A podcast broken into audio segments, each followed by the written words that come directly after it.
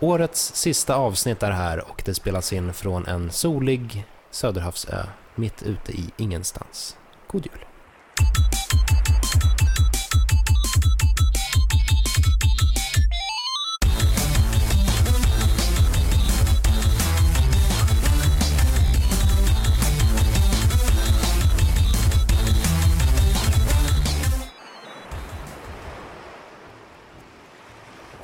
Det är den 18 december. Det är 25 grader i luften, väldigt lätt bris. Jag tittar ut över en perfekt spegelblank vy av eh, turkosblått vatten. Det är fantastiskt. Det är fantastiskt och det är igen Sveriges podcast. Den fiktiva torsdagen, fast det i själva verket är en annan dag. Och jag sitter här med David Grundström och Viktor Sjöström. Mm. Vi sitter här och sippar på små, små kokosnötdrinkar här. Mm, jag är den klar min faktiskt, men ni, ni, hugger, ni hugger in. Jag får ta en pina colada sen. Jag heter Per Landin i alla fall och det här är väl vårt eh, lite annorlunda eh, take on Christmas. Ja, vårt anti-julavsnitt. Mm.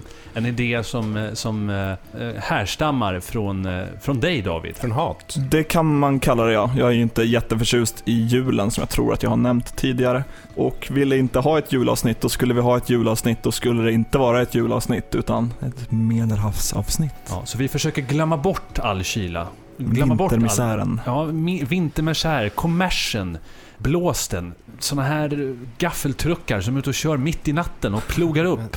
Gaffeltruckar. Gaffeltruck. Ja men vad, vad är det som kör då? Plogbil. Ja men plogbilar som är ute Om, och kör. om något så är väl gaffeltruckar med oss på den här lilla tropiska ön för att, för att hjälpa till att eh, sjösätta små, små fina båtar. Okej, det är inget fel på gaffeltruckar, men Nej. de, den här plogbilarna de kommer klockan halv tre på natten och, Mm. och väcker en med, med saftblandare på taket och med högljudda ljud som skrapar i asfalten. Mm. De är ett minne blott. Det ska vi glömma. Ja, på tal om absolut inte gaffeltruckar har jag en liten fråga jag tänkte ställa er.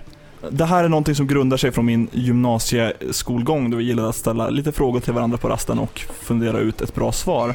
Och det jag skulle vilja fråga och själv spekulera i är ifall ni fick sätta ut en Portal-portal, eller två stycken från spelet Portal, på två olika ställen. Ni kan inte flytta dem, ni är ingen eh, Portal-pickadoll, så ni kan inte byta plats, utan ni får sätta två portaler som vem som helst kan gå igenom.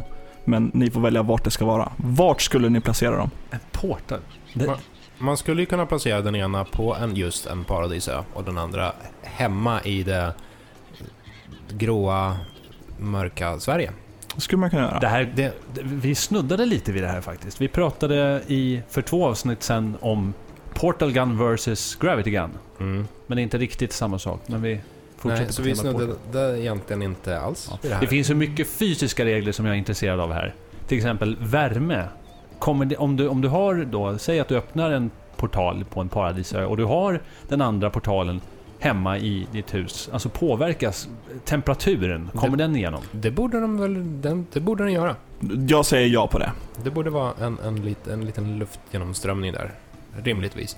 Eh, en annan sak att ha i åtanke är ju hur, hur, skulle, hur skulle samhället påverkas?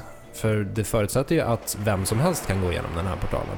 Så om det plötsligt uppstår ett väldigt, väldigt effektivt sätt att ta sig iväg till Bahamas från, säg, Fisksätra, då skulle rätt många göra det. Hur skulle man reglera detta? Hur skulle, skulle man börja ta betalt för den här portalen? Skulle man behöva något litet åkkort? Skulle de sätta upp någon spärr utanför portalen? Kanske? Spärrvakt? Ja, men om, om, du, om du säger att, att vi sätter en i Bahamas, vart skulle du sätta den i Sverige? Skulle du sätta den någonstans publikt så att vem som helst kan använda eller utnyttja den eller skulle du ha den i ett utrymme som du äger där du kan ta betalt för inträde? Alltså om man sätter den hemma i sitt eget vardagsrum, vilket på sätt och vis kunde vara lite lockande, så skulle det uppstå vissa problem när okända människor börjar trilla in i mitt vardagsrum. Ja, precis. Förmodligen även med typ bastkjolar på sig och, och beter sig. Fast jag tyckte det var intressant det vad du var inne på, den lite samhällskritiska delen av det hela. Hur samhället förhåller sig till det här när de väl hittar din portal Mm. på, på båda sidor. Mm. Det kan bli så att, att din, din egendom är plötsligt eh, allmänintresse och då blir du kanske av med din, med din egendom. Vad vet Mm. jag? Ja, ja, men det, antingen skulle man ju försöka hålla den gömd och det skulle nog inte fungera i längden. Förr eller senare skulle någon lyckas hitta portalen. Eh, eller så skulle man sätta den på ett så pass allmänt ställe att den inte kan orsaka massa trubbel för en själv. Kanske någonstans i Stockholmsområdet och sen en annan, säg i Japan. Vore väl trevligt? Jag tänkte faktiskt på det där. Tänkte nästan säga att det finns väl en massa med spelnördar som gärna hade velat se en koppling mellan typ Tokyo och Stockholm. Ja. Och spara typ 16 000 spänn i Nej, reskostnader. 16 000 kostar det inte. Nej, vad kostar det då? Nej, men det, till Japan kommer man för typ 8 eller Nej, något sånt ja, tur och retur. tur och retur 8000. Ja, det tror jag. Om man är ute. Skynda I- fynda! Det är alltså inte 16 000. Nej, Igen Sveriges podcast tipsar dig om, om eh, biljetter till Japan. Flyg. Flyg här och nu. Ja. Men är det alltså där du skulle ställa dig någonstans i Stockholm och Bahamas eller? Ja, egentligen, alltså Dina två personliga portaler. det känns ju som att en portal som fungerar som en portal i Portal, den, den, det skulle vara en så pass, så pass eh, enorm händelse geopolitiskt att det, en, en sån skulle förändra både Sverige och Bahamas rätt rejält. Jag älskar att du får in årets ord, geopolitiskt. Ja, Så här. jag vet inte Kan, exakt vi, kan, vi hur, klamma men in, det, kan vi klämma in praxis också här någonstans? Det är Det vi praxis att öppna portal. just det. En, en lite roligare variant kunde ju vara att sätta den här portalen kanske långt nere i, i ehm, Atlanten och sätta den andra kanske över Östermalm och bara se vad som händer. Lite så här fysikexperiment bara. Hur mycket vatten Nu kan man hälla snodde du det över- som jag ville prata om, nämligen, nämligen experimenterandet med portaler. Ja, Att faktiskt, som du säger, dränka Östermalm. Eh, Det här är en liten grej som mitt skadebeteende eh, från Terraria. Där jag gillar att, att, Mm. sticka till havet och gräva, gräva en så pass djup... mm. Ehm. Terraria alltså 2D-varianten av Minecraft kan man säga. Precis. Och eh, oftast, som oftast, så är ju eh, havsnivån högre än själva eh, terrängen i övrigt. Så det är alltid ganska lätt att eh, gräva fram till havet och sedan svämma över stora delar av Terraria-kartan. Mm. Eller bara gräva rakt ner och eh, hälla ner havet i helvetet. Kan Precis. Vilket brukar leda till att, man, att vattnet där nere förångas eftersom Mm. det är så pass varmt.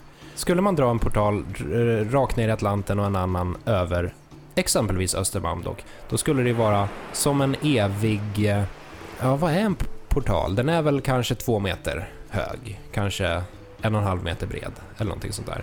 Låter, det- ja, en och en halv, det låter som det nästan blir kvadrat snart. Säg en meter bred. En meter bred, två meter hög eh, och det skulle forsa vatten ur den konstant för resten av våra livstider. Nordens Venedig. Det skulle säkerligen pågå stora projekt med att försöka täppa igen det här hålet eh, och lösa det. Det skulle krävas Många byttor. många byttor. Under. Hur fixerar man en portal, portal i luften? För det måste väl ha en, ett, ett slutmål? En, en vägg? Ja, typ. precis. Ja, var skulle man sätta? Man, kan, man kunde ha satt den kanske på sidan av Globen? Men det är ju inte Östermalm. Nej, Då eh, täcker du ju helt Lite- annat. lite mer lite mer söder. Kungsholmen, typ. Ja. Ja. Jag, Jag tror inte, ungefär det- lika stora delar av Sverige kommer bli översvämmat i vilket fall. det rinner ju tillbaka ändå. Men, men eh, du sa att du pratade om det här i gymnasiet. Ja, Vad kom ni fram till? ja, de första svaren var ju ett i hemmet och ett i skolan. Men då kom vi sen in på det här att vem som helst kan ju använda portalen. Då gäller det att man inte är mobbad. Ja, Kommer alla mobbare in i... och slår den när man sover. Mm. En, en idé där var ju att sätta den i skåpet, men den skulle inte riktigt få plats där heller. Just ja. Så då var, då var det lite mer att kanske sätta den på utsidan av skolan och någonstans utsidan av hemmet. Men vad då? Det, kan man väl göra? Om man skjuter en portal i ett begränsat utrymme, vad händer med portalen då? Funkar den inte? I Portal funkar det inte om det inte är Nej, du väldigt måste, den måste ha en specifika platt ytor. yta för att fästa. Jag förstår. Det var jag tänkte då, att i skol, nära skolan och nära hemma. Och jag är nog lite inne på, inte... Det känns Skolan och som ett jobbet. slöseri på en fin portal. Ja, men det är också så- om, om man skulle sätta det tvärs över världen, då skulle det bli sån stor jävla enorm händelse. Och det skulle säkert kommersialiseras och massa regeringar skulle vara där och, och, och svära och hindra. Men om jag skulle sätta en i Sollentuna och en i centrala Stockholm. Om man skulle kunna lyckas montera... Jag antar att man får använda en portal gun för att faktiskt placera ut portalerna. Om man lyckas montera den... du, får peka, du får peka medan Kjell skjuter åt dig. Mm, mm. Om man då lyckas sikta väldigt, väldigt noga via någon slags enorm eh, sniper rifle-konstruktion så skulle man eventuellt kanske kunna nå med en portal bort till Mars. Pricka Mars, sätta den andra portalen i exempelvis Östersund. Sen ser man vad som händer. Ja, men här vet Man- ju vad som har hänt. Det ser man måste ju naturligtvis bygga någon slags luftsluss Ja, också. för Precis, hela. för du har ju sett vad som händer i Portal 2 när man skjuter en Mm. stråle till månen. Spoiler, spoiler. Nej, jag har inte sagt någonting. Jag bara säger att det finns Ja. spel. Ja, På ett, vad är det, 10 år gammalt spel? ja så man får... Portal 2? Ja, hur gammalt är det? Ja, Portal 2 kom väl 2010, 2011? Nej! Portal 1 kom till 2007. Va? Jo då. Vad händer med så, åren? Så, så Jag har tappat tidsuppfattning. Ja, så kan det vara. Eh, Men Quickly, tell me where the bygg, time is. bygg in den här portalen i en liten luftsluss, kanske någon form av ombyggd telefonkiosk eller någonting. Ja. Sen Och har man en, en enkel Mars? resa till Mars. Varför nöja sig med Mars? Skjut långt utav bara helvete och se var den landar. Man bara siktar vilt ut i rymden. Ja, ja. Se- kanske någon, se vad- ja, vad den fäster på. Tråkigt att typ träffa en asteroid någonstans mitt ute i ingenstans. Det här blir lite som en mass relay Ja, från Mass Effect. Mm. Jag tänker mig att Mars finns det ju ändå planer på att åka till och varför då inte göra det via en portal? Ja, men varför sätta en portal på ett ställe vi redan ska åka till? Ja, men... eh, Sätt det på något roligare. för att när vi väl kommer till Mars så kan vi gräva upp en mass relay. Ah! Okej, Som i Mass Effect. du tänker så. Våra lyssnare får jättegärna också kommentera med vart ni skulle placera era portal-portaler. Endast två stycken.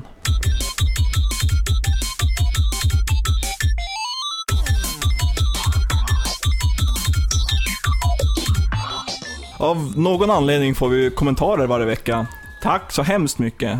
Den här veckan får vi det i form av vykort från fastlandet. Och en novell, Mm. kan man nästan Och- säga. Ja, absolut. Eh, På vykort har vi fått en novell från en flitig eh, kommentator. Och vi, vi väljer att svara på de här kommentarerna liggandes i solstolar, tillbakalutade eh, med små, små drinkar i hän- händerna och enbart solglasögon på oss. Vi är ganska nakna i övrigt. Inte ett moln på himlen. Nej.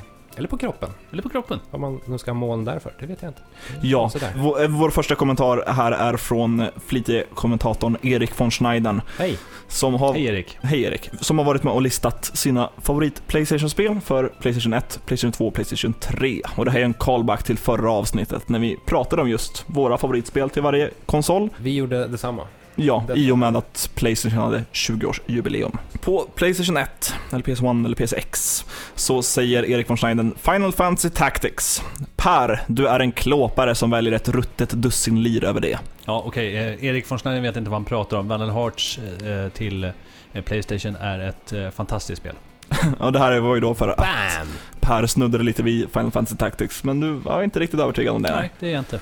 Nej. Vidare så går han in på att Virtua Fighter 4 Evo Evolution är bäst till PS2. Mm. Han tänkt, skriver i parentesen, tänkte skriva eh, Disgaea 2. Disgaea. Disgaea 2. Nick strategirollspel. Tänkte skriva Disgaea 2, men då blir det bara strategirollspel på listan. Och till PS3 blir det föga förvånande med tanke på tidigare kommentar, eller tidigare parentes, Disgaea 4.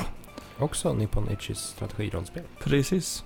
Fortsätter här i sin novell. Bästa med hela podcasten var när Per berättade hur arg han var. Det påminner lite om när personen jag älskar mest av allt förklarar hur arg han är. Kan det vara du Per? Det är väldigt fint. Mm, det, det kan det definitivt vara. Det, det förtäljer inte historien, men möjligheten finns där. Så är det.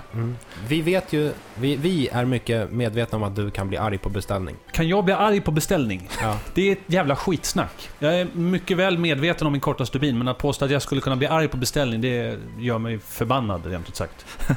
Och så fortsätter han här med en kommentar riktad till Viktor. Eller fortsättning på kommentar återigen. Shoot! Eh, Jag blev lite förvirrad över Teenage Mutant Ninja Turtles Brazilian Jiu-Jitsu-tröjan. Jag hade fått intrycket av att du tränade traditionell jiu-jitsu. Och de flesta traditionella jiu-jitsu-utövare jag pratat med är lite anti-Brazilian jiu-jitsu. I och för sig är det en lite onödig rivalitet eftersom klassisk tattarbrottning får jiu-jitsu och Brazilian jiu-jitsu att se ut som Paulo Robertos boxningskarriär. Vad tränar du egentligen Viktor? Bakgrund dock. Jag hade ju, anledningen till, till den här kommentaren är att jag hade på mig en tröja förra veckan som det stod Brazilian Jiu-Jitsu på med eh, Turtles-fonten, alltså fonten som används i Turtles-loggan. Jag tränar inte Brazilian Jiu-Jitsu utan jag tränar Sportjutsu, en stil som skapades i slutet av 90-talet och som är en slags MMA light om man så vill. Eh, den innehåller både slagspark, eh, kast och brottning, till skillnad från Brazilian som eh, mestadels består av brottning och lite, lite, lite kast. Och det här gör ju att vi blir lite dåliga på allt. Vi är kassare än karatekast på slå och sparka, vi är kassare än jutsukast på kasta, vi är kassare än en brassebrottare eller vanliga brottare på att faktiskt brottas. Eh, Men å andra sidan kan vi lite av varje. Okej, det är jätteintressant. Men jag tror att det som lyssnarna i själva verket vill ha svar på det är vem vinner mellan brasiliansk jujutsu och vanlig jujutsu? Det beror på vad man gör. En, en brassebrottare är ju förmodligen mycket bättre på att brottas. Men eh, Så om man väl kopplar greppet om dig är det kört. inte nödvändigtvis med tanke på att sportjutsukas är ju förmodligen ofta bättre på att kasta också.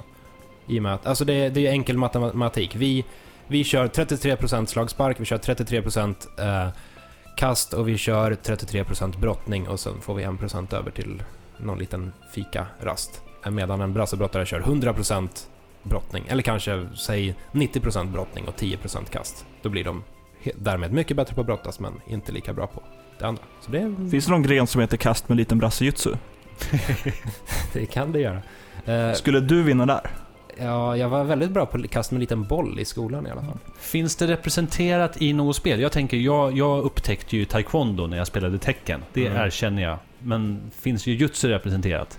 Nej, inte vad jag har märkt. Det finns något gammalt judospel, typ NES, kommer jag ihåg. Men stående fighting är så mycket tydligare. Där har man, man har en väldigt konkret räckvidd på slagen och sparkarna. Alla kan relatera till målet. Man ska försöka placera sin hand i ansiktet på den andra, eller sin fot i huvudet på den andra. Eh, och man ska undvika dem. Och det, det är väldigt tydligt, helt enkelt. Eh, brottning, det blir det blir mycket, mycket grötigare. Det blir mycket tajtare, så man ser inte detaljerna på ett ordentligt sätt. Och det handlar ganska mycket om eh, skifte i tyngdpunkt och det handlar om små, små tajmingar och bara så här uthållighet och gnugg och sådana saker. Att så här, ligga och hålla ett grepp i en halv minut och för att sen göra ett litet, litet, litet ryck. Det, det gör sig inte så bra som, som eh, tv-spel helt enkelt. Mm. Så ska även tilläggas att hela, alltså all, all den här diskussionen om att eh, min kampsport är bättre än din kampsport, det, det, det är något av en, en, en uråldrig eh, fråga i, inom kampsport. Och den Man skulle väl, kunna titta på vilken, vilket YouTube-klipp egentligen som helst och hitta den diskussionen Ja. förekommande. Det är Och det- ganska skönt, får jag bara säga det, att som taekwondo-snubbe så vet vi redan, vi är sämst. Och vi nöjer oss liksom med det, det är inga problem.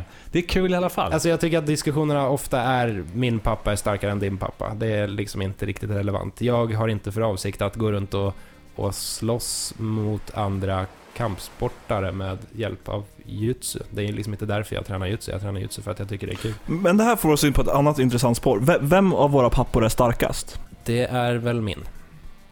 Dock. Ja, Jag skulle vilja påstå att det är min. Jag är tämligen övertygad till 110% att min pappa i rätt ålder skulle klå upp era pappor. Tillsammans. Min pappa är starkare än din pappa om Viktors pappa hjälper min pappa. Eh, gå in och rösta. Vems pappa är starkast? Kommentera här Ja. nedan. Vi har fått lite andra kommentarer. Eh, ja, verkligen, ja. det kan jag ta. Vi har fått en på Twitter då, från Mhm. Magnus Nord. Och innan jag läser den så finns det lite kontext, för han har nämligen postat en bild till det här. Han skriver i alla fall avsnitt 81, ost och kex. Punkt. Och det är alltså en bild som han har postat på Twitter föreställandes en stiltonost, en väl lagrad stiltonost och ett paket digestive. Säger du digestive eller digestive? Jag, säger, dig- dig- jag sa ju precis. Ja, jo, det är Jag säger korrekt. digestiv. Det här är ju den kanske finaste kommentaren vi någonsin har fått till den här podcasten. För det, det signalerar ju verkligen att podcastlyssnandet är någonting att ta tillvara på. Vi har ju snuddat vid hur folk konsumerar den här podcasten tidigare och eh, ofta föreställer man sig att folk lyssnar på den kanske på väg till jobbet eller sitter på bussen eller i tunnelbanan eller sådär. Eh, slölyssnar lite, men om man faktiskt tar sig tid att lägga fram lite ost och lite kex så det, det, det, det, är, väldigt, det är väldigt rörande. Lite, lite ceremoni över hela och faktiskt Mm. den enda där det har fångats på bild hur du lyssnar på podden. Mm. Ja, En, precis. en, liten, en liten fin ceremoni runt podcasten. Jag, nej, det, Och speciellt när, när eller speciellt för min del, när, när jag, jag tänker mig att de flesta av våra lyssnare lyssnar på det här på vägen till och från jobbet, skolan, vart de nu än ska åka. Och sen en annan hälft som då är min mamma. Men att det, man ser folk som sätter sig ner och tar tid och gör någonting högtidligt, gör ceremoni av det. Det är rörande. mm. Tack så jättemycket Magnus. Fortsätt äta ost. Fortsätt lyssna på podcasten. Vi har en sista kommentar också. Clay Money. Clay, Clay, Clay, Clay Money? Clay Money? Climani. Dissa Terminator? Frågetecken, utropstecken, frågetecken. Nu blev jag knäsvag. Punkt, punkt, punkt. Eller ellipsis som det också heter. Detta har ju då rötterna i en diskussion från förra avsnittet också då, när vi snackade skit om Terminator helt enkelt. Det vi snackade skit om dock var ju Terminator Genesis, den kommande filmen som Mm. rebootar tidslinjen. Och Terminator 3. Och Terminator Salvation. Allting utom Terminator 1 och 2. Och eh, Sarah Connor Chronicles. tv-serien. Och fy satan. Den, den är sådär. Ja, plotten är också sådär. Men det här kom vi fram till också senare i konversation med, med Claymore på Twitter. Ja, att, eh, T- T1 och T2 är grym skit. vi håller alla med om att Resten är T2 skit. T2 är toppen. Kan jag få en till paraplydrink?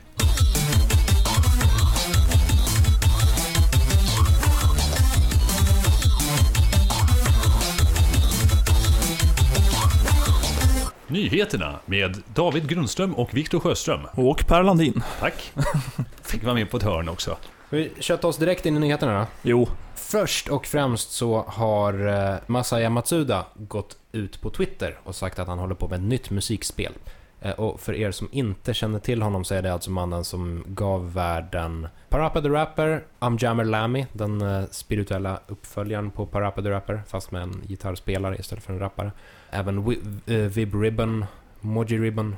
Eh, Så han har ju onekligen en, en eh, talang för att göra väldigt konstiga musikspel. Det är en gedigen lista över konstiga spel, men jag måste eh, rätta dig faktiskt lite. Jag tror att han heter Masaya Matsura, inte Matsuda. Så jag, d- Jag tror att du sa D och inte R. äsch.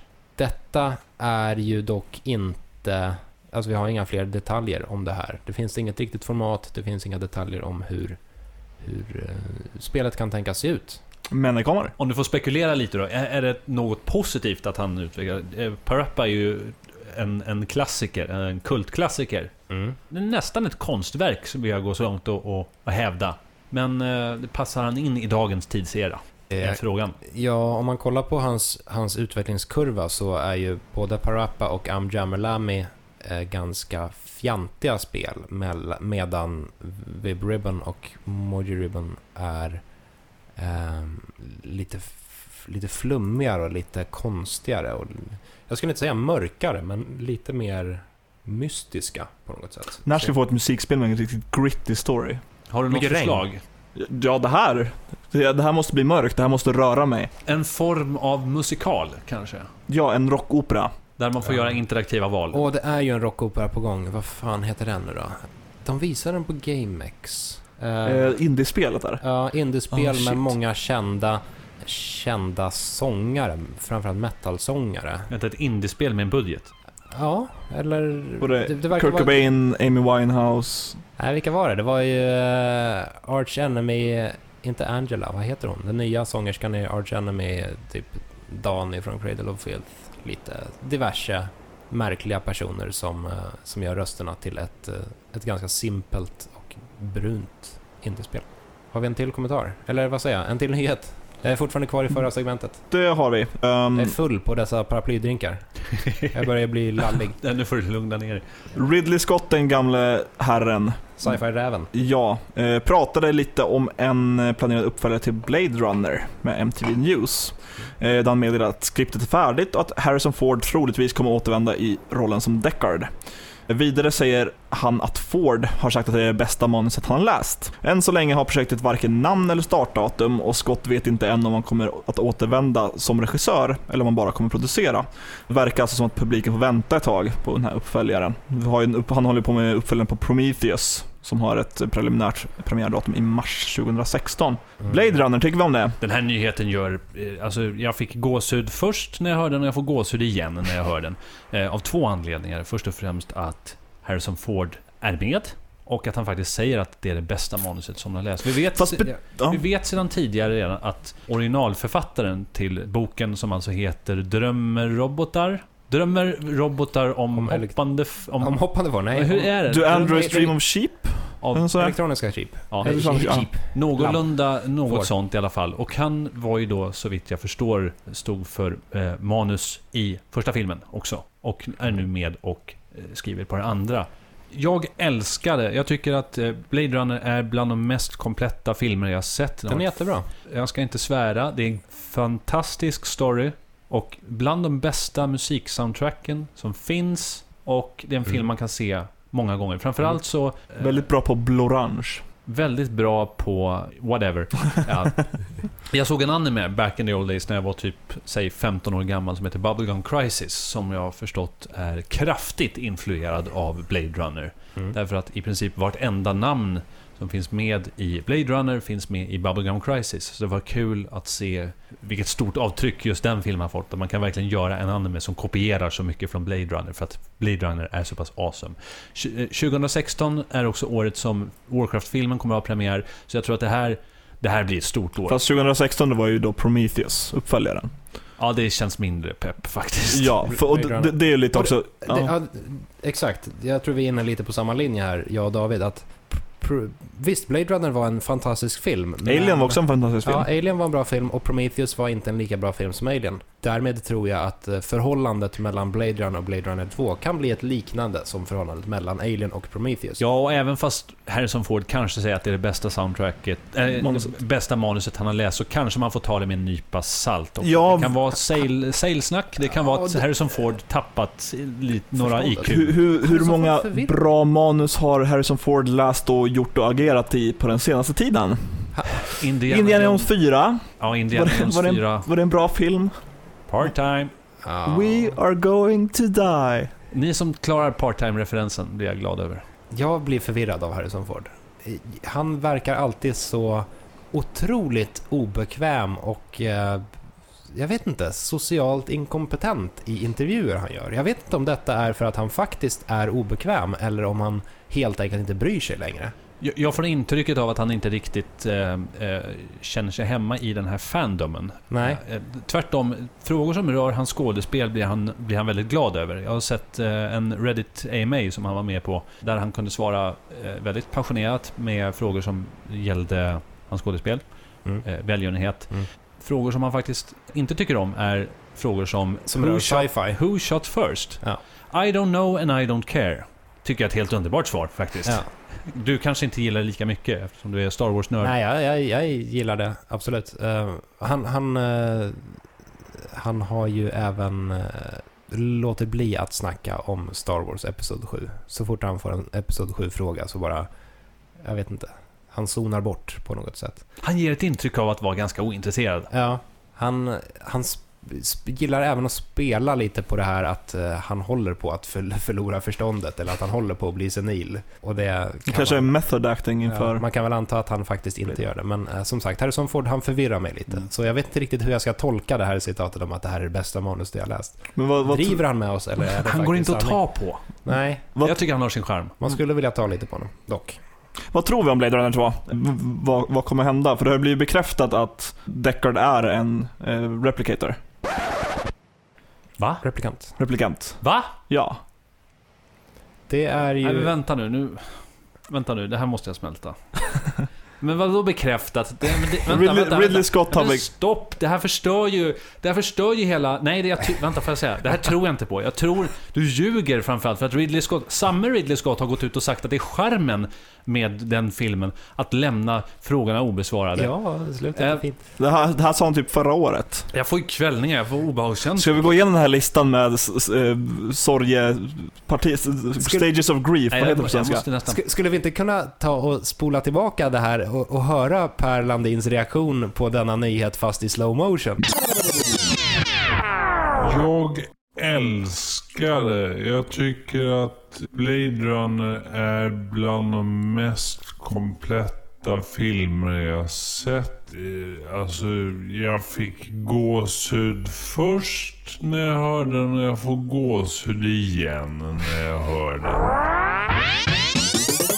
Det var en utmärkt, Alltså det här utmärkt förstör ju, alltså en stor del av charmen med, med Blade Runner, det är ju den, den obesvarade mystiken. Eh, Det, det, det vackra i det. Den försvinner ju med en uppföljare i vilket fall.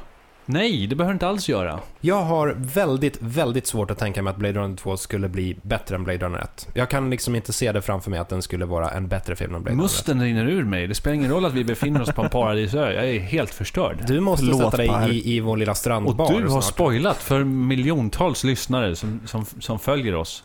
Det här, Alla våra miljoner... Det här blir ett historiskt dokument. Det kan nog i bästa fall bli en underhållande sci-fi-film, men jag kan liksom inte se det framför mig att det skulle, vara, att det skulle kunna bli en klassiker i, i eh, samma liga som Först och, originalet. främst, först och främst måste man tänka, Ridley Scott måste förstå vad det är för eh, bas av fans han har i den här typen av film. Och vad det är för typ av Ja, film. för det måste han ta ansvar för sina fans. Kan inte bara berätta en jag, historia. Jag menar, säkerligen, jag menar bara att du kan inte göra en renodlad actionfilm om Blade Runner, för då förstår du inte din publik, eller vad som gjorde filmen stor. Så att huruvida Ridley Scott förstår sin publik låter jag vara osagt, för det vet jag inte själv. Men eh, där i ligger nyckeln till att göra Blade Runner till en bra film. Blade Runner 2 till en bra film. Ja, alltså problemet med Prometheus var väl knappast att den var fel genre. Det var att det var för mycket gud. Alltså det hade, det hade kunnat funka. Jag är inget stort fan av religion, men liksom Ja. religion inom film kan funka. Och problemet med Prometheus tyckte jag var att den, det var massa idiotiska val i den. Och att jag kunde inte relatera till hur karaktärerna betedde sig. Ja, Just där, eh, kartografen som inte kan hitta in grottan har gått två vändor. Jag kan räkna upp framgångsreceptet på min hand, vad som behövs. För Blade Runner 2. Jajamän, de, de filosofiska frågorna, Mm. den dystopiska miljön, och de, Deckard som en replikant. de under... Fuck you! fuck you and uh, Deckard Kane. Snygga stilistiska kamerashots, Rutger Hauer, Rutger Hauer bara överkropp, och, i regn. Pratar om tårar. och en... Ja, jag vet inte, jag kommer inte på den sista, men det finns med på, på, min, på min hand. Mm. Nej, ni Det måste, blir by- spännande att se. ni måste Jag, byta nyheter här. jag, jag, jag tror att det blir som en Boondock Saints 2. jag måste... Finns Boondock Saints 2? Ja, tre på gång. Va? Ja. Nej, jag är ju chock. Jag måste smälta det här. Tredje nyhet. Läser jag. Ja, kör. Det är alltså, eh, jag måste läsa här till. Det är alltså Sharp som kommer producera skärmar till Nintendo som de redan gör till Nintendo 3DS. Mer specifikt ska det alltså handla om Sharks Freeform Display. Vad är en Freeform Display undrar du då såklart. Det är alltså skärmar Eh, som kan ha olika former. Enligt Sankey Biz ska Nintendo också experimentera med någon form av cirkelformad skärm. Sharps skärmar ska kunna börja massproduceras under 2016. Det här skulle naturligtvis kunna vara en skärm för Nintendos, Nintendos Quality of Life. Det, Kommer det kan, vara en Nintendo 360S? Ja, det är inte bestämt vad de här skärmarna ska användas till, men en, en rolig gissning på detta är ju att det ska kunna vara nästa generations Nintendo, alltså nästa generations bärbara Nintendo-konsol. Uppföljaren till 3DS. Som nu är uppe i, vad heter den då? New 3DS. Nintendo New 3DS, som är den nuvarande versionen. Skulle ni vilja spela en bärbar, bärbart spel på en rund skärm? En cirkulär skärm? Jag ska inte utesluta Jag tycker väl tanken är lockande. Vi har ju bara fått eh, rektangulära och kvadratiska former, så Alltså, varför inte pröva något Jag, jag vill inte spela spel på två skärmar när DS kom. Jag vill inte spela spel med en fjärrkontroll när Wii kom, men det har lyckats övertyga mig alla, alla gånger. Så det är... Ja, Varför inte en rund skärm? lita blint. Frågan är som sagt hur den passar i byxfickan. Det är det... Ja, men det gör ju inte viktigaste. 3DSen heller. Nej. Eller DSen. Ja, då så. Eller Kör. GBA'n. Kanske GBA-SP, men Vil, vilka spel skulle passa bäst för en rund skärm då? Om man Mm. kollar tillbaka på gamla klassiker. Pong. Jag vill dra till med Super Monkey Ball. Rulla runt där på den runda, runda skärmen utan kanter. Det kan Så- vara kul. Dart. Dart. Dart. Spelet Dart. Dart kan bli jättebra. Dart i framtiden, ni hörde det här först. Dart 3DS. Det är den stora flaggskeppstiteln när det släpps. Jajamän. Någon form av Mario Galaxy kanske? Springa runt, runt, runt och aldrig komma fram till änden av planeten. Men hur tänker vi då att skärmen är? Är det en sfär? Det vore något. Fast jag tror nog snarare att den är någon form av konvex... Ja, att den, att den lutar sig lite Ja. grann. All form av, av eh, roterande runda objekt. Eh, Kanske något rymd, rymdbaserat spel. Jag tänker mig kanske något form av... Eh, Licensspel baserat på Blade Runner 2. ja. Spela som replikanten Deckard. Jag tycker du, eh, du är elak nu. Du, att du, du är som salt i såret. Sant. it in. Eh, någonting jag tror skulle vara ganska säker eller inte så vågande idé, vilket Nintendo i och för sig är bra på att köra med, nya och spännande idéer, skulle bara att vara, vara en, jag vet inte vad det heter, konvex skärm. Men eh, Konvex är när den tittar ut, konkav är när den eh, pekar in. en konkav skärm tänker jag då. För vi har ju många tv-skärmar som börjar bli så nu. Lite konkava, runda. Så Mm. att få en bättre upplevelse. Och att kunna tänka sig no- något sådant på en, en bärbar konsol. Jag tror absolut att de går vidare lite på 3DS och DS-hållet med två skärmar. Vi får se vad, som, eh, vad detta blir för en märklig konsol. Det kanske inte blir en konsol överhuvudtaget, det kanske bara blir en skärm. Vi får se.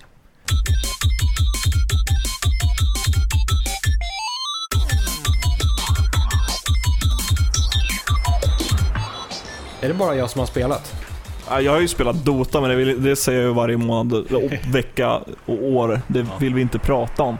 Jag vill, jag vill sätta en liten cliffhanger här också. Jag, har faktiskt, jag ska spela Rayman Legends. Någon gång Någon i gång. någon framtid. Jag har Rayman Legends liggandes. Liksom massa andra spel på Steam. Så det kommer. Jag ska spela det. Jag har väldigt många spel på Steam, men jag kommer inte spela. Nej. Vad har du fått i julklapp eller någonting? Spelar vi Jag in? får inte julklappar. Vad bra. Ja, vi spelar in. Det är liksom, det här är IGN Sveriges podcast. Välkommen. Spelar Ah. alltid. Ja. Jag zonade bort. Här har vi alltså med oss Viktor Sjöström. Välkommen Viktor. Du är här för att Hej. berätta om vad du har spelat den här veckan. Ja, För du jag, spelar spel. Ja, jag har spelat spel. Jag har spelat lite, lite Far Cry 4, vilket jag spelade igår kväll. Det är ett väldigt tacksamt spel att plocka upp och spela under kortare perioder. Eh, för det är ju ett öppen, ett open world-spel där man kan plocka av eh, små, små samlargrejer utan att egentligen avancera i storyn överhuvudtaget. Det här är alltså eh, Far Cry... Rätta mig om jag har fel, men det är alltså med, med omslaget på den här rosa kavajklädda, Pre- precis. hypade slutbossen. Med den kawaii-killen i kawaiien. Page and Min Oj, oj. heter han alltså. Ja, han är inte lika cool som Vas i Far Cry 3. Det är ju ganska svårt. Ja, Vas var ganska bra. Page and Min är inte lika bra, men det, det gör inte så mycket. Spelet är snyggt och det har en stor, öppen, fin värld. Eh, och eh, igår när jag spelade så rörde jag inte huvudstoryn överhuvudtaget, utan jag sprang bara runt och dödade oskyldiga djur och gjorde väskor av dem. Jag dödade en noshörning med en molotov cocktail. Sen sydde jag en plånbok av, av den. Är det sant? Ja. Kan du göra en plånbok Ja, och, och kasta en molotov cocktail på en noshörning? ja fast i omvänd ordning då. Först måste man ju bränna den oskyldiga noshörningen till döds. Det här är Sen nästan gör värt man- en analys i sig, om du kan bränna en noshörning Om det går. med en molotov cocktail. Du får ringa Mythbusters, de kan säkert testa det. Ja, och, och eh, Pita, Ja. vad de heter. Skämt åsido dock, det, det blir lite obehagligt när, när man börjar... Alltså en stor del av spelmekaniken går ju ut på just på att jaga djur och många av djuren eh, framställs ju som, som eh, farliga rovdjur men det finns även väldigt fr- fridfulla djur som egentligen som, som man inte riktigt känner sig manad att skjuta. Eh, Det finns elefanter till exempel. En stor del av av spelet är centrerat runt elefanter och man kan rida på elefanter, man kan släppa lös elefanter mitt bland fienderna. och. Eh, Jag har också förstått att det ska vara vanligt att det dyker ner typ örnar eller dylikt. Ja. De bara får för sig att attackera dig. Plötsligt så har man en örn i ansiktet och förlorar ett par power, power bars, eller ja, delar av hälsomätaren. Eh, ja, men det, är, det, är lite, det känns lite olustigt på något sätt, men eh, man får väl acceptera det. Ska man ha en stor plånbok måste man döda noshörningar. Men du pratar också om, att- om att man använder elefanter i olika... Eh, en del av spelupplevelsen i Far Cry 4 är väl att du, du befinner dig i den här bergsliknande miljön. Det är väl vad i. Tibet, eller vad är det? Ja? Kyrat heter det och det är fiktivt Mm. land. Och eh, man, man tar väl olika baser egentligen. Det finns olika typer av läger och sådant som du ska, Mm. in, inte infiltrera, men Ja, fälla. det, det påminner extremt mycket om Far Cry 3. Man eh, kan dels ta över torn för att få nya delar av kartan och så kan man även smyga sig in i fiendernas utposter. Och då får man själv välja varifrån man ska attackera dem och hur man ska göra. Om man bara ska springa in och röja eller om man ska försöka smyga och ha ihjäl alla fienderna i, någon form av stealth mode eller om man ska kasta in en köttbit och locka in eh, rovdjur i lägret eller om man ska släppa ut eh, den galna elefanten eller olika varianter helt enkelt. Eh, Den här mekaniken fungerar väldigt, väldigt bra. Och det är ett, just ett belönande eh, spel som man kan spela i små doser. Påmin, Fin- påminner på så sätt väldigt mycket om Skyrim back in the days. Finns hajarna med i Far Cry 4 som fanns i Far Cry 3? Nej, jag har inte hittat några hajar hittills. Däremot har jag hittat Demon Fishes. Okej, för hajarna i Far Cry 3 är bland det läskigaste jag varit med om. Ja, det, man har ju inte riktigt någon bra möjlighet att slåss med dem. Nej. Man får stå i strandbrynet och blänga argt och skjuta lite på Ah, ytan. Otäckt.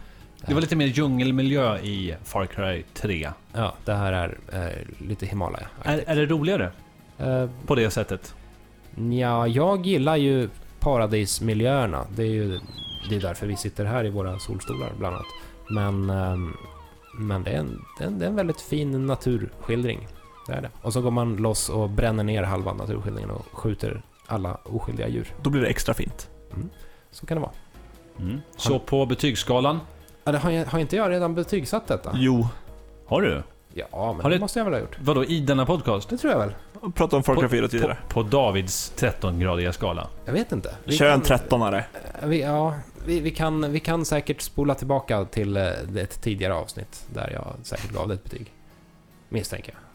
Nej, det or jag orkar inte leta Måste man leta? Ge, ge mig ett betyg. Ja, men det är väl, det är väl schysst. Det är schysst. Ja, ni hörde det här. På Davids 13-gradiga skala är det schysst. yes. Har ni spelat något? Nej. Nej. Inget alls? Nej. Då kanske jag kan klämma in ett till litet spel. Jo. Jag har spelat Megaman till DOS. Megaman till DOS? Jajamän. Hur, hur kör du dos? Eh, via DOSbox. Ja, okej. Vänta, DOS, alltså det gamla sättet när du hade en svart skärm och satt och skrev in kommandon. Det icke-grafiska operativsystemet. Ja, eh, och det gjordes ett Megaman-spel till DOS som gjordes av en person som hette Steven eh, Rosner. Och det lustiga är inte att han gjorde ett Megaman-spel som är ganska kackigt, utan att spelet är fullständigt officiellt. Capcom har gett ut detta spel. Och det är helt enkelt Megaman, fast det är ett helt nyproducerat Megaman. Så de har ritat helt egen grafik och de har en egen fysikmotor för hoppen och sådär. När du säger dom så menar du en person. Ja, då menar jag egentligen han. Och det finns tre stycken bossar i spelet. Det finns Dynaman, Sonic Man och... eh, vad heter den tredje? Sharkman. Sonic- Nej, Sharkman. Han finns med senare i DOS-serien. Det finns tre bossar. Det finns tre bossar. Men du kommer inte på dem? Nej, Dynaman, Sonic Man och eh, en, en till Man. Och sen finns det då Dr. Wiley som åker runt i en tvåbent dator som heter Croker Och ser, Croker! Croker, Och ser lite ut som en groda. Eh, och det är inte ett bra spel detta. Och sen fick den uppföljare dessutom. Som inte är Megaman 2, utan det är Megaman 3. Så till DOS finns Megaman och Megaman 3. Mega Man 3 är också utvecklat av Steve Rosner, men här har han fått sällskap av sin bror William Rosner, som Men, ritade men, men innan du berättar om, om själva spelupplevelsen då. Ja, Hur, hur har det här gått till? Hur har han kunnat fått möjlighet att utveckla det här till, till DOS? Han var väldigt inne på att konvertera spel till olika format, även, även innan han gjorde det professionellt. Han eh, konverterade typ Kung Fu, det gamla spelet, till Commodore 64 tror jag att det var. Han har konverterat typ Street Fighter 1 till någon dator och sådär. Eh, och sen eh, råkade han eh, helt enkelt bananskala in på Capcom USA. Eh, och de behövde... Nej, de behövde inte Megaman. Utan han gjorde det lite halvt som, eh, på skoj. Lite eh, bara på, på tiden han fick över under sin tid på, på Capcom USA. Eh, och sen insåg hans boss att det gick att sälja. Så då körde de på. Och Capcom i, i Japan protesterade inte. Så därmed så blev det det officiella Megaman till, till DOS. Och en uppföljare. Ja, Mega Man 3 då. Och det är, det är samma stuk som, som det första spelet. Så det är riktigt dålig kontroll. Spriten, Mega Man-spriten ser jätteskum ut och det har bossar som typ Sharkman och Oilman och liknande. Som är omritade porträttbilder från Mega Man 2 och 3 till NES. Fast ja, omritade med något ritprogram då. Eh, och man, Mega Man kan simma också. Han har en, han har Wow. en simfunktion. Wow. Största som hänt sen Deckard blev en uh, reploid.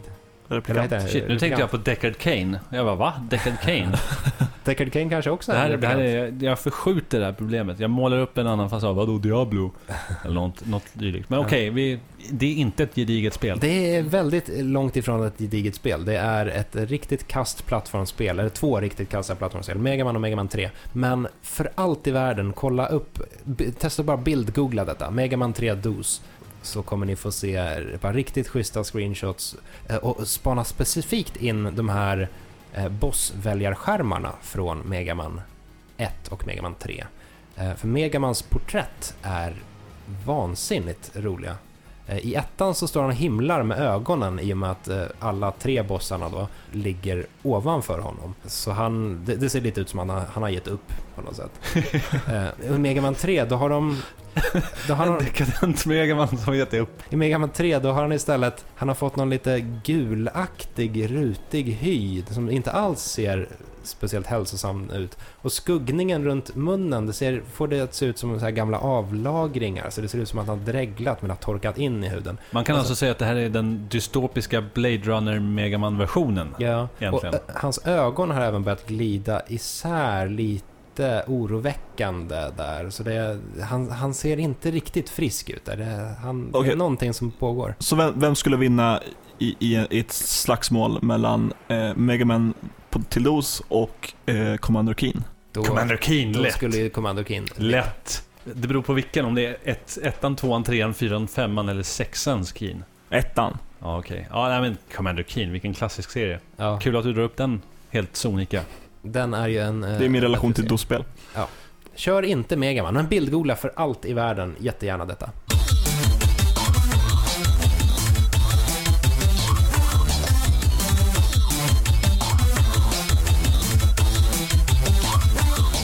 Nu är det ju så här att när vi har varit på den här fantastiska paradisön och fått så mycket inspiration och så mycket input och, och så mycket intryck så har vi ju faktiskt kommit fram till att vi kunde göra en, våra topplistor på det här. Så att Mm. de där hemma i, i kalla Sverige i juletid kan få ta del av något, något varmt från oss. Mm. Och detta innan vi går och tar ett litet dopp och snorklar bland små, små clownfiskar Med egen AI.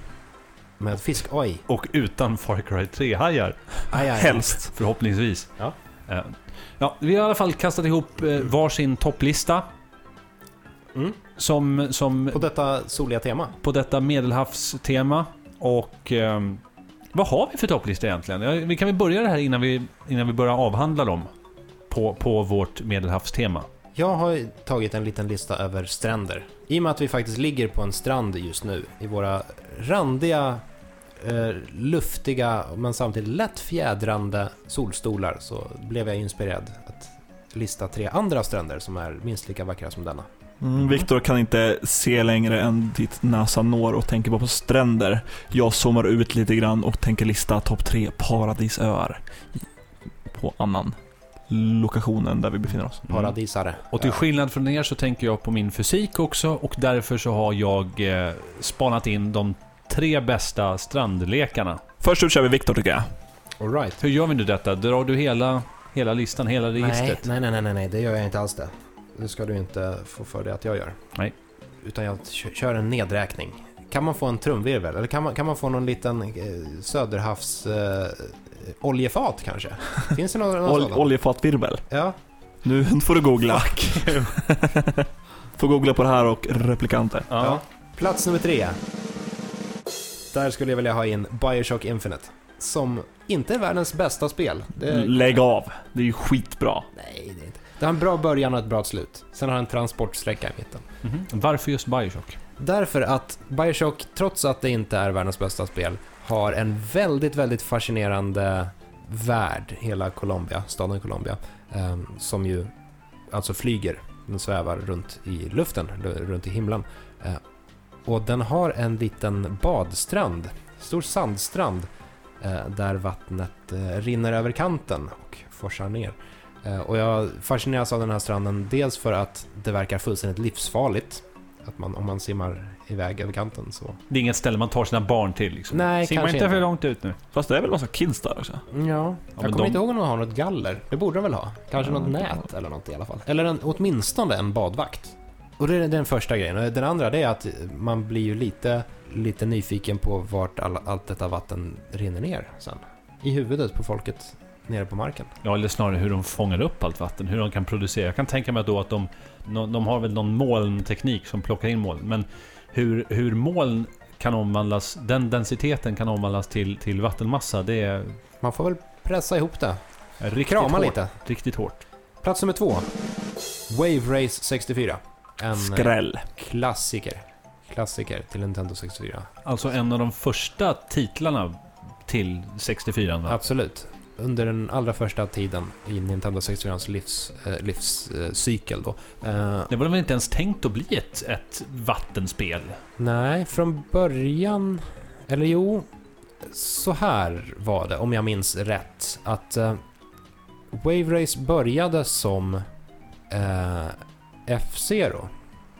till Nintendo 64. Nintendo experimenterade med vad som i slutändan skulle komma att bli F-Zero X. Eh, men under den här eh, under den här testfasen så lyckades man komma på hur man skulle få platta polygonytor att bölja eh, medan man lekte runt med, med Big Blue-banan. Och då var den här böljeffekten så pass cool att, eh, att eh, man helt enkelt beslutade sig för att göra ett, ett separat spel. Och så sköt man lite på F-Zero X som kom först senare. Då. Det kom 98 om jag minns rätt. Ehm, men då blev F, eh, Wave Race 64 ett separat spel byggt på, på den här vågteknologin. Och det är det som gör eh, Wave Race så, så jävla coolt. Att man verkligen känner av vågkänslan här. Eh, och så åker man ju runt Alltid, alltid runt små fina stränder och så är det fiskmåsar i luften och sand och skit. Jag älskar det. Plats nummer två alltså. Mm.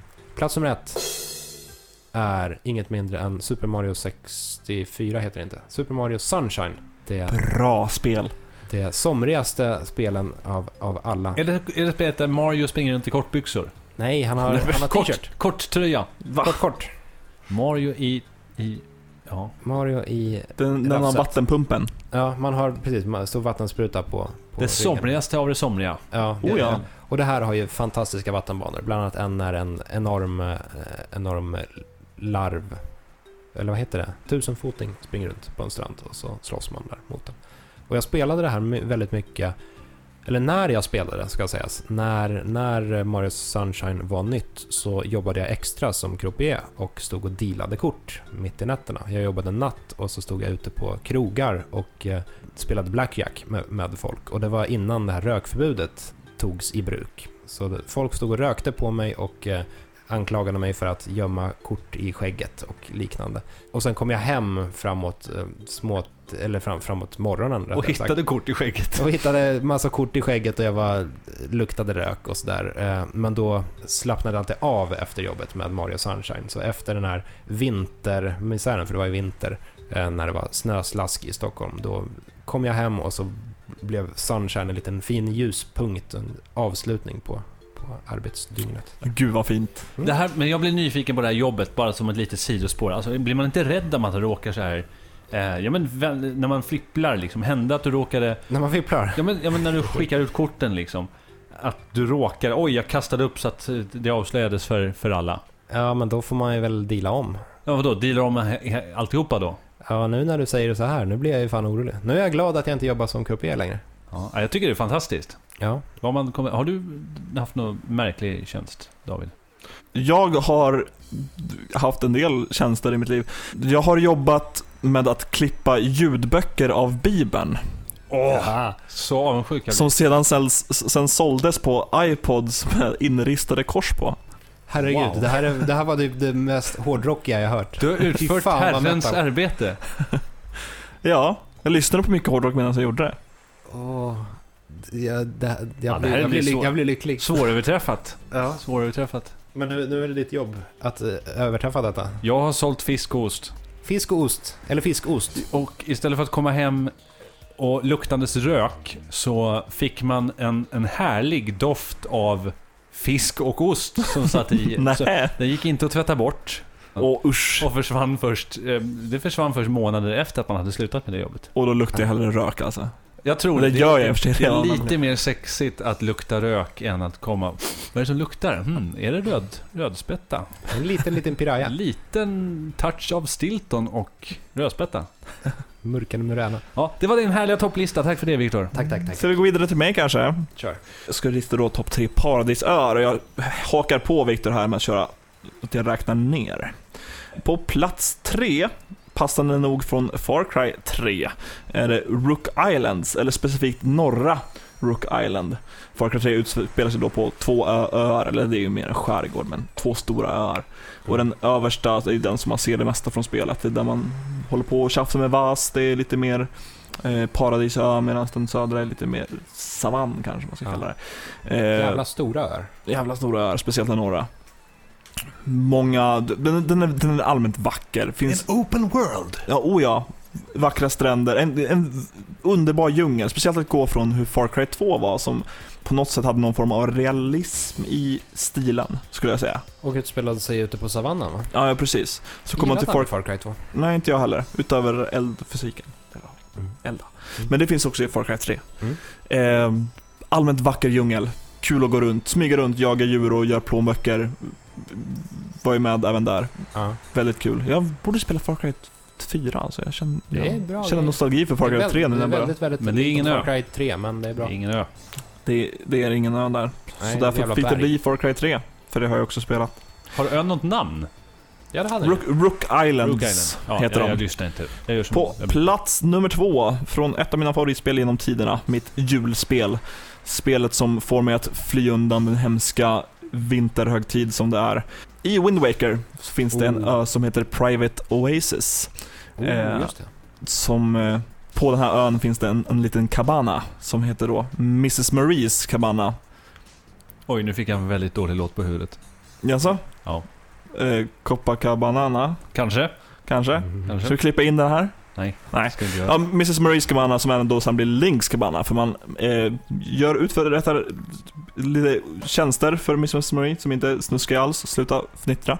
Och får då ett deed, ett papper på att nu äger du den här ön, du äger den här lilla stugan. Och det är en fin liten ö med, med solstolar. Verkligen, verkligen liten också. Ja, verkligen liten. Vad är det med att äga prylar i, sol, eh, i, i soliga, somriga ställen? Ja, men det är väl, soliga Sol i. Final Fantasy 7, där kan man köpa en sån här sommarvilla. Ja, nej men det, det här är ju då en, en ö som används i huvudstoryn för att i den här kabanan kan man ta sig ner i en gömd källare som är en liten minigrotta där man kan hitta en karta man behöver. Det är allmänt en fin, mysig ö. Det är skönt när jag känner, jag kommer ihåg när jag spelade första gången. Och andra och tredje gången. Och det är lite skön känsla att så här, få äga den här lilla ön, kan man sticka dit och chilla. Vilket man såklart aldrig gjorde, men det var fin, fin liten Bara paradis. vetskapen om att du ägde en ö var, det räckte. Det, det fick mitt kapitalisthjärta att bulta. Jag fick lite samma känsla första gången jag grävde in mig i väggen i Minecraft. Eller rättare sagt första gången jag byggde ett, en liten grotta och sen, ja det var ju för att det blev natt första Mm. gången då och jag flydde in i väggen och grävde mig i en grotta. Då tänkte jag att det här är mitt hem. Jag har ett hem. Det är en liten, en litet hål i väggen, men det är mitt hem. Första gången jag spelade Minecraft så hamnade jag på just en liten ö med typ tre träd och någon fiende. Jag förstod inte riktigt poängen. Vad, vad ska jag göra? Ska jag överleva här? Ska jag ta mig härifrån? Vad är mitt mål? Per blev strandade Sen slutade jag spela Minecraft. bra, bra karriär där. Mm. Nu ska vi gå vidare till plats nummer ett och här följer jag lite i Viktors fotspår. Vi- Det ska ju nämnas att vi inte har pratat om det här, det här, de här listorna har vi hållit hemliga för varandra innan podcasten. Men på bådas första plats så ligger Super Mario Sunshine. Mm. Och för min del då Hubbön som man går vidare till alla världar i, Isle Delfino. Mm. Eller Isle Delfino heter hela ön. Man Isle Delfino. i- Ja precis, man befinner sig i staden som heter någonting. Fino. Ja, Det det, går runt små konstiga päron med bastkjolar där. Ja, precis. Och när jag säger Isle Delfino så tänker jag då på den här hub, hubbstaden som man Mm. befinner sig i. Som är fin strand där man kan åka ut och rädda en, eller hjälpa en strandad delfinit.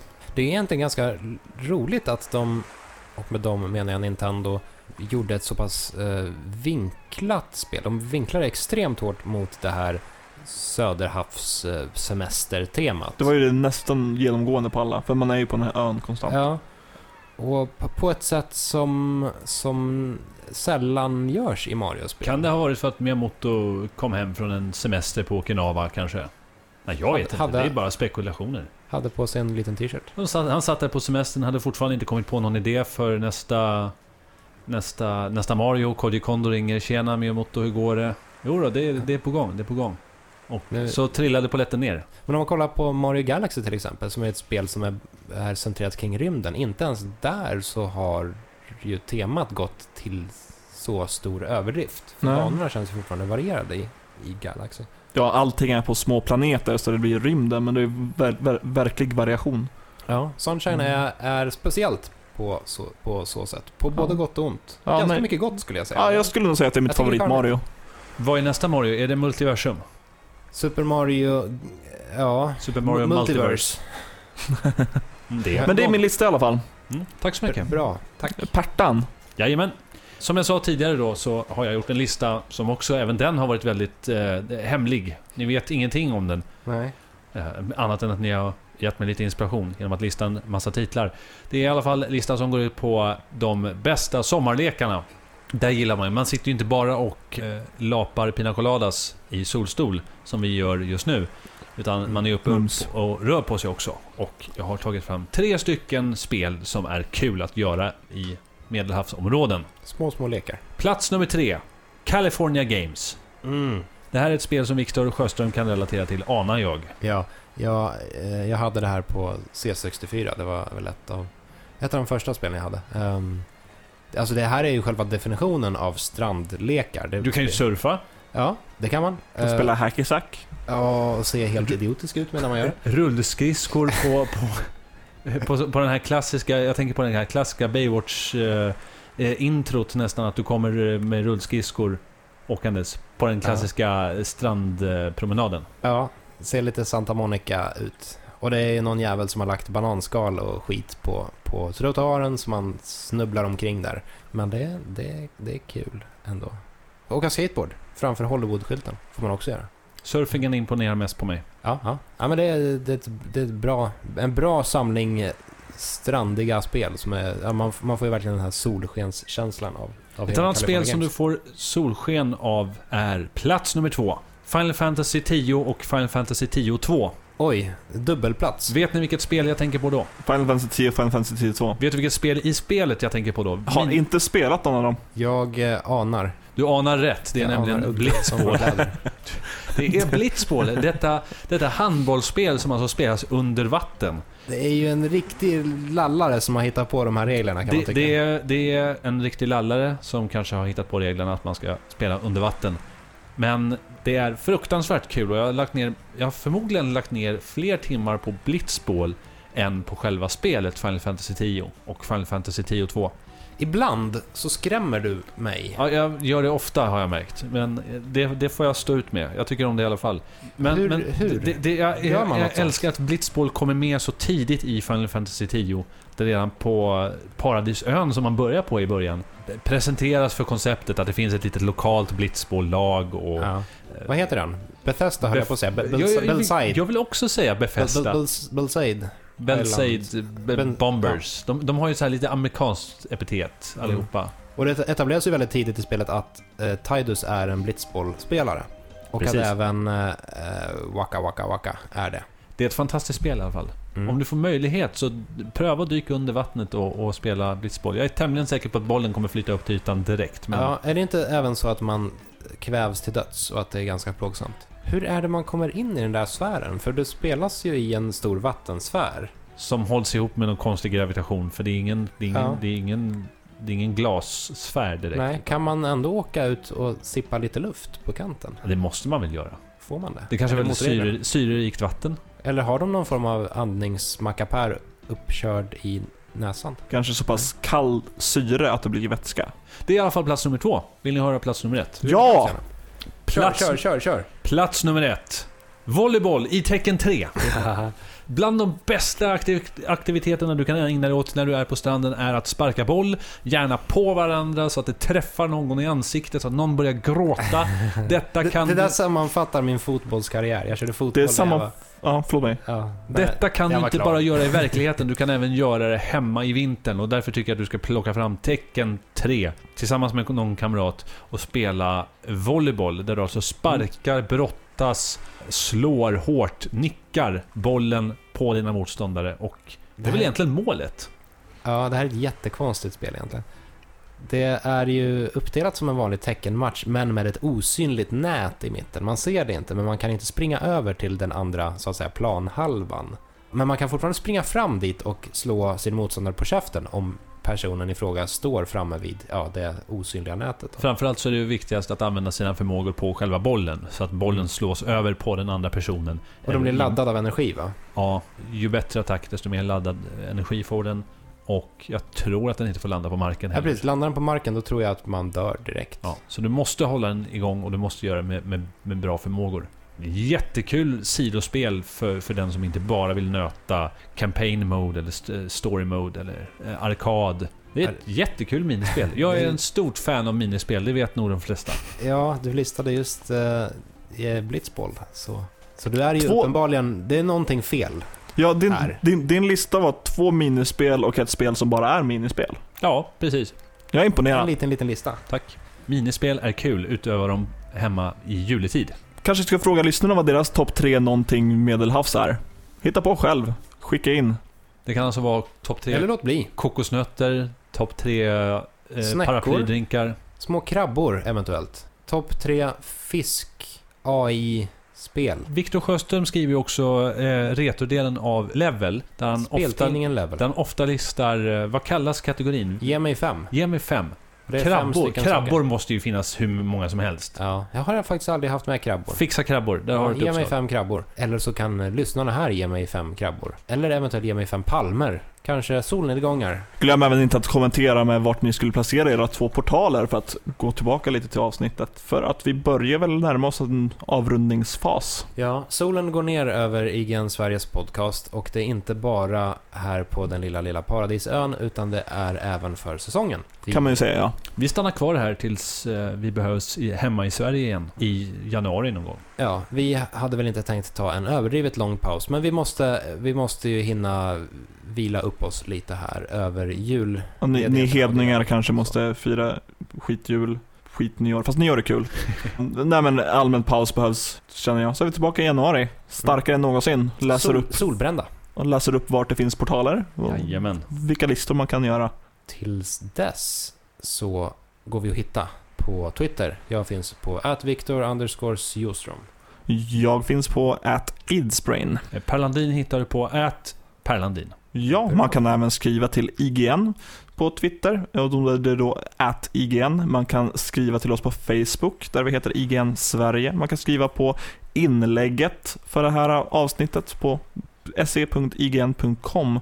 Men tack för den här säsongen. Det har varit 14 otroligt roliga avsnitt. Jag och Per som är nya i podcasten och Viktor som är gammal räv. Gammal och grå. Gamla gamet. Och vi återses och hörs 2015. Mm. God jul och gott nytt år. Ha det bra. Puss.